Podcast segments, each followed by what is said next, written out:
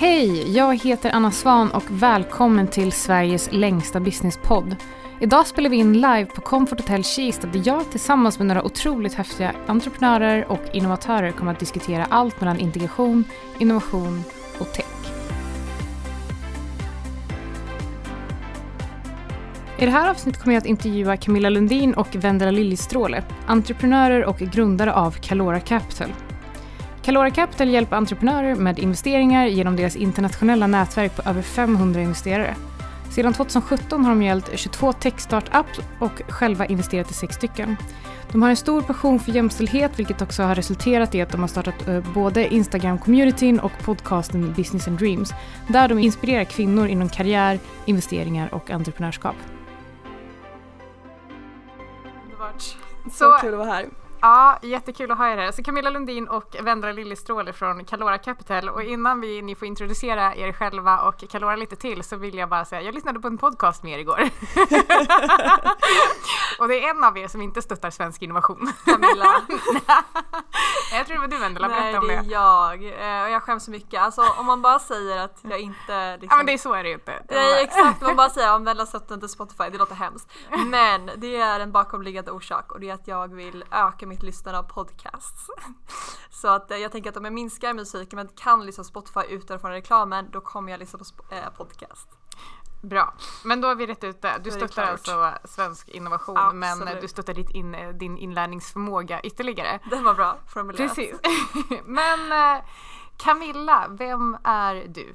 Ja, så jag är en av grundarna då till Calora Capital och eh, även har stor passion för jämställdhet, eh, att skapa inspiration för andra kvinnor. Eh, så därför har jag och Vendela tillsammans eh, startat Business and Dreams eh, som finns på eh, Instagram och också podcast just för att lyfta fram förebilder. Eh, så jag brinner för det och sen skulle jag även lägga till att jag älskar allt som har med mindset och personlig utveckling att göra som jag tycker går mycket hand i hand med att bygga bolag bland annat. Och jag håller helt med och jag ska faktiskt träffa Emily från Academy sen så ska vi snacka lite mer utbildningsfrågor. Men, eh, men Vendela, vem är du? Eh, så jag är också en av medgrundarna till Calora då eh, och kan berätta lite vad vi gör och gå direkt in på det. Eh, jag och Camilla vi träffades när vi studerade på Handelshögskolan, ekonomi där.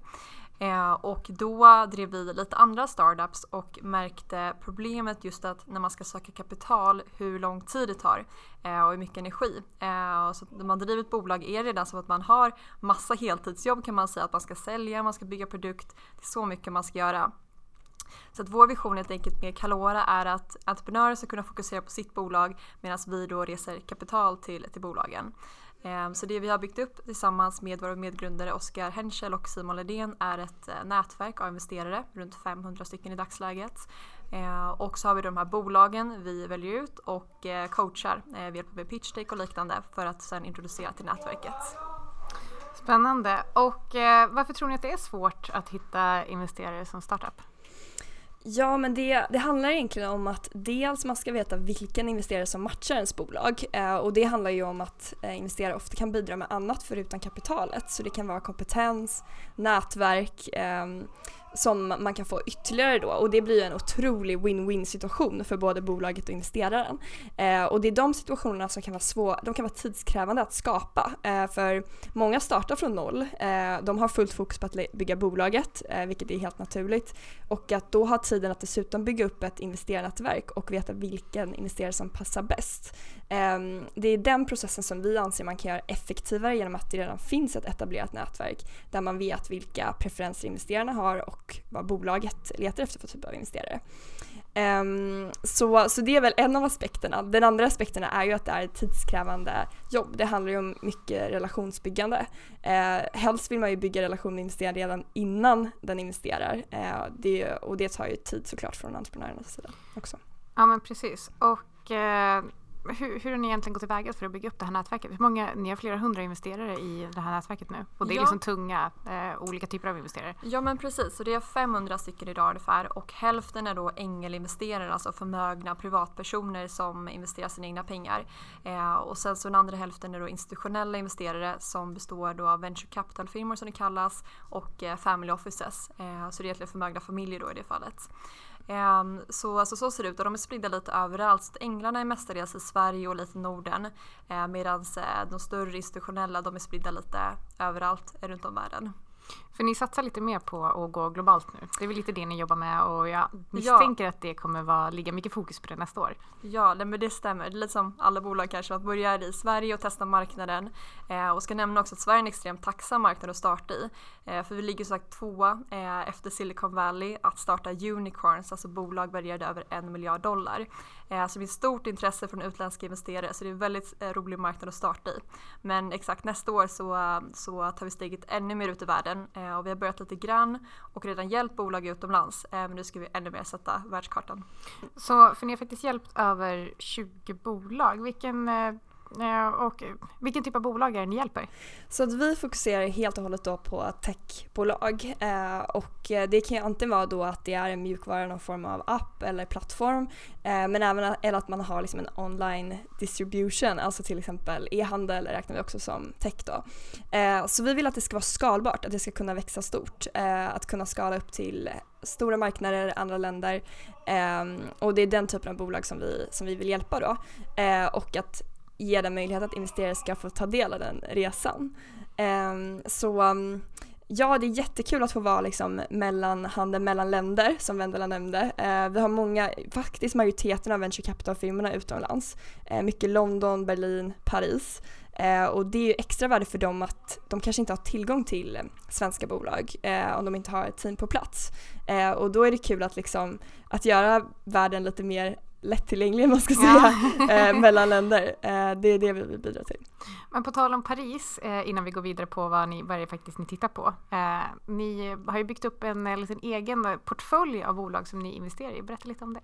Det stämmer. Ehm, så att av de bolagen vi har hjälpt så har vi ett alternativ till dem och det är att istället för att vi får då den kommission vi annars tar i pengar så kan vi få den i aktier.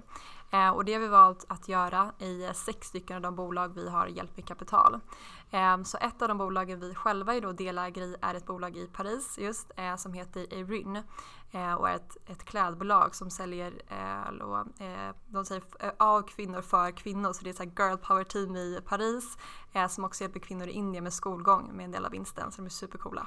Det är jättehäftigt och de, gjorde för, de har både gjort en typ kostym med, med så sedeltryck och har ett väldigt så här, ganska ikoniskt citrontrycksmotiv eh, dessutom.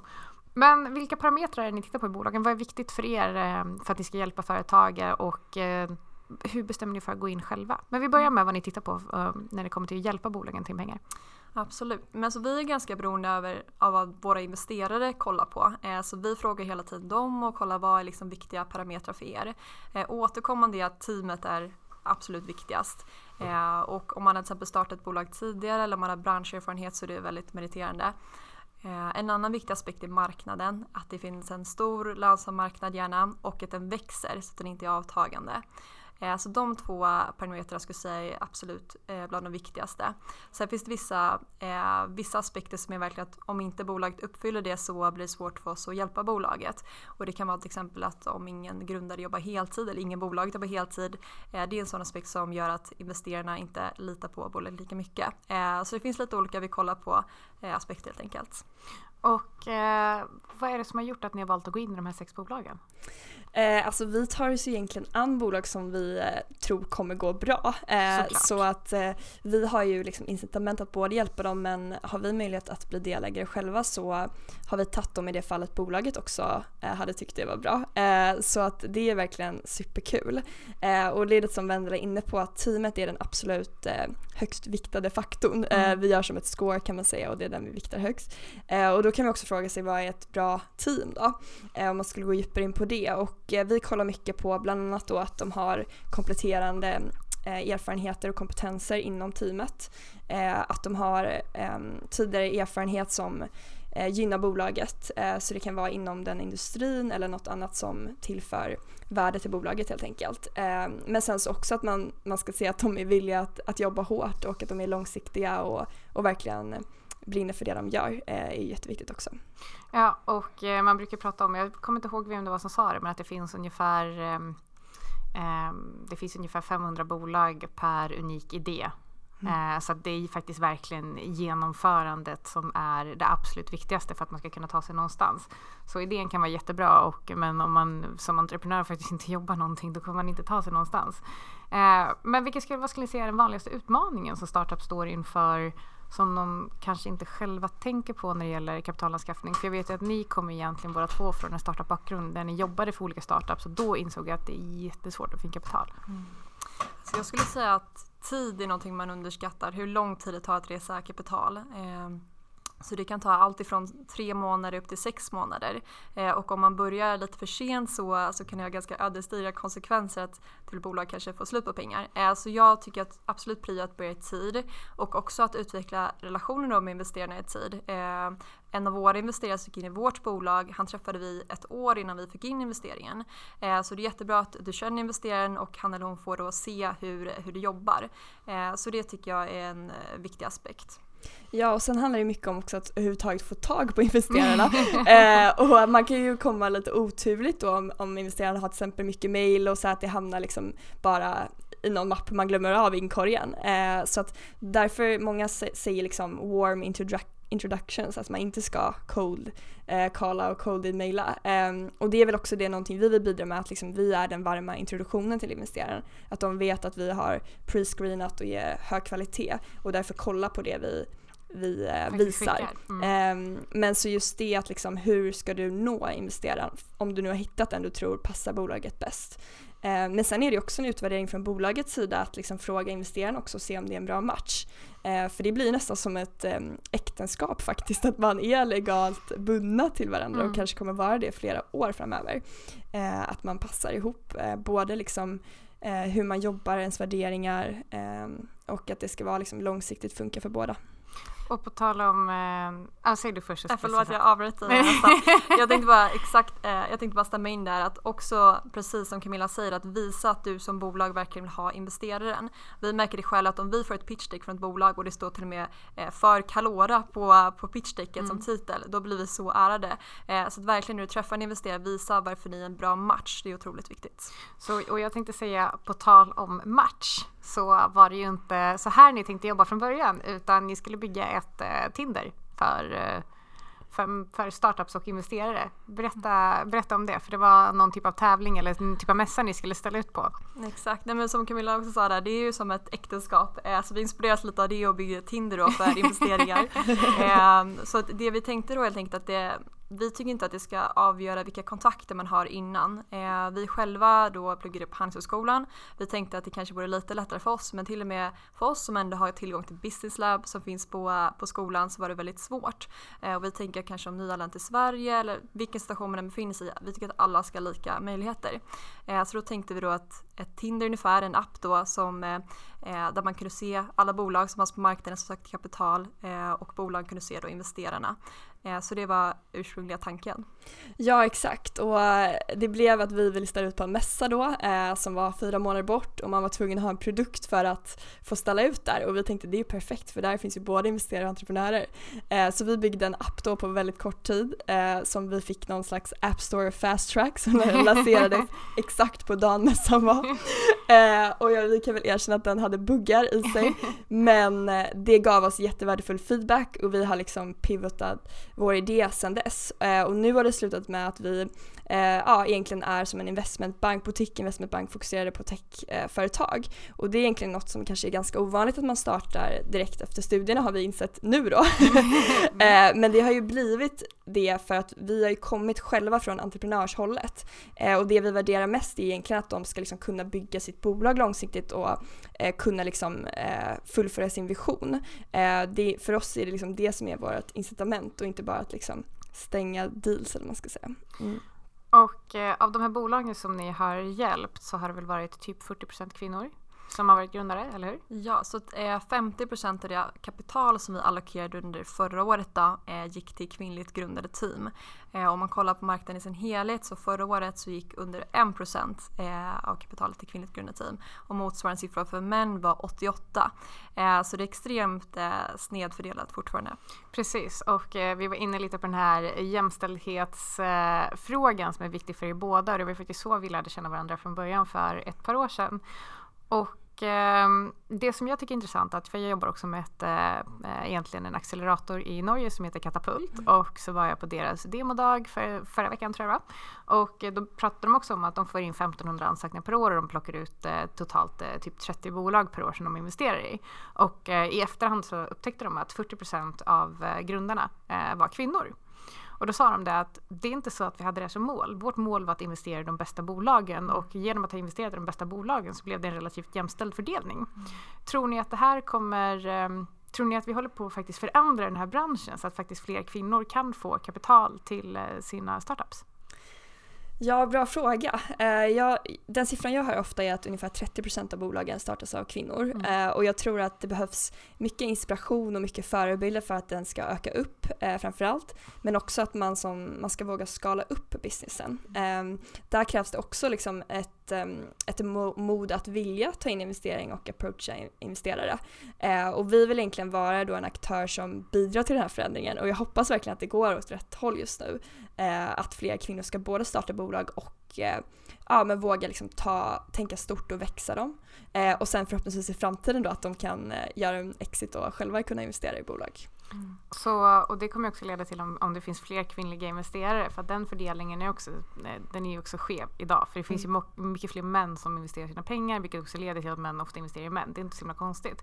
Tror, hur, hur um, hur långt tror ni vi har kommit om 5-10 år? Jättestor mm. fråga. Nej men det är en väldigt bra fråga också. Ja. Eh, och om man kollar på, på techmiljardärer i Sverige så, så är det runt 30-40 stycken lite beroende på vad man mäter. Eh, och det är extremt få kvinnor. En av dem är nu Sofia Pan som har startat Tantan, den kinesiska datingappen. Eh, så det är superkul och nu har hon kapitalet att investera i nya bolag. Eh, och vad jag tror är att män kanske undermedvetet eller medvetet är investerade i, i bolag som de förstår och det är ofta kanske marknader som, som berör män. Eh, om man exempelvis startar ett bolag inom skönhetsbranschen eller vad det nu kan vara som är lite mer kvinnodominerad då kanske man inte riktigt eh, lika lätt lockar locka till sig investerare som nu består av män. Eh, så jag tror att det är extremt viktigt att vi får in kvinnorna att, att de startar bolag och sen då kan investera. Vi pratade faktiskt med det med Petter Stordalen här innan just om Natural Cycle som har verkligen lyckats med innovation eh, inom ett väldigt kvinnligt område. Och då sa Petter just det att gud det här har vi vetat hur länge som helst. Mm. att, eh, att kvinnor får mens en gång i månaden och det beror på så, saker. Och eh, just att det inte har skett innovation inom det området på länge tror jag kanske är just på grund av att det är ett, ett kvinnligt problem eh, och det är ju så himla kul när man ser sådana lösningar som, som nu det här bolaget är värderat till över en miljard eh, kronor och det är ju super roligt verkligen. Mm. Um, nej men så, och det som är kul att vi också märker bland investerarna vi har kontakt med att det är fler och fler som vill rikta sig mot uh, underrepresenterade uh, grundare uh, och det kan ju vara Eh, inte bara liksom kvinnligt manligt utan även vad man har för etniskt ursprung och liknande. Eh, så det finns ändå att det uppmärksammas och de initiativen älskar vi och hoppas att det kommer fler sånt. Precis, så det finns ju hur mycket studier som helst som visar på att faktiskt diversifierat liksom, eh, ledningsgrupp och diversifierad styrelse faktiskt gör väldigt, väldigt mycket för bolagens lönsamhet. Så jag mm. tror också att det är jätteviktigt. Och på tal om det, vad tror ni är, eh, eller det här borde ni veta, vad är trendigt på startup-scenen idag? Eh, om man kollar lite vad som investerades förra halvåret eh, så gick ungefär 6,5 miljarder kronor till den svenska startup-scenen. Eh, och bland de största investeringarna så var just det e-hälsa. Eh, Kry bland annat tog mm. investering på en halv miljard, så den ledde ligan. Eh, sen eh, e-commerce, Naked ledde där och tog in investering på 360 miljoner. Eh, och sen så också Northvolt som gör då eh, batterier, eh, alltså till 300 miljoner. Så att jag skulle säga att det, alla de tre är stora trender. Sen också matsvinn och så allmänt saker som är bra för miljön, men just matsvinn har blivit eh, väldigt hett eh, där Karma leder. Jag har läst siffran att 88 miljoner ton mat slängs i Europa varje år eh, och en tredjedel av maten vi producerar slängs som är fullt ätbar. Eh, så jag tror att många områden just som vi pratar om som har en impact kombinerat med, med lönsamhet, eh, det kommer växa mycket. Verkligen. Och för att då runda av med en fråga från Petter. Så vi, och du var faktiskt precis inne på det här. Eh, hur, eh, hur viktigt tror ni det kommer vara för startups att jobba med någon typ av impact? Så, och eh, hur mycket efterfrågas det av investerare idag? Jag tror extremt viktigt. Jag tror att det är viktigt både sidan att få anställda. Vi ser på unga människor idag så något av det viktigaste är att bolaget har bra värderingar. Eh, så jag tror att få talangerna så är det viktigt att man själv som bolag har bra värderingar. Eh, och sen också kunder. Eh, vi kollar bara på Karma. Det är så många som eh, blir som ambassadörer för Karma. De får så mycket goodwill. Folk vill prata om dem och rekommendera dem. Ehm, så jag tror att det kommer bli viktigt och det är inte någon kompromiss, lönsamhet och impact utan tvärtom. Det är verkligen fungerar. Vi pratade faktiskt här också med grundaren av Triner ute just att till exempel utvecklare eh, gärna kanske dras till bolag där de också kan göra en impact. Så även liksom när det kommer till rekrytering kan det vara en fördel att man har, ja men bara den generationen vi är, att man gärna vill jobba med ett bolag som, eh, som man tror på vad den, vad den gör. Eh, så, så det tror jag absolut eh, verkligen på framtiden. Spännande. Så tack så jättemycket för att eh, ni var med och vi kommer ses där ute igen. Stort tack! Stort tack!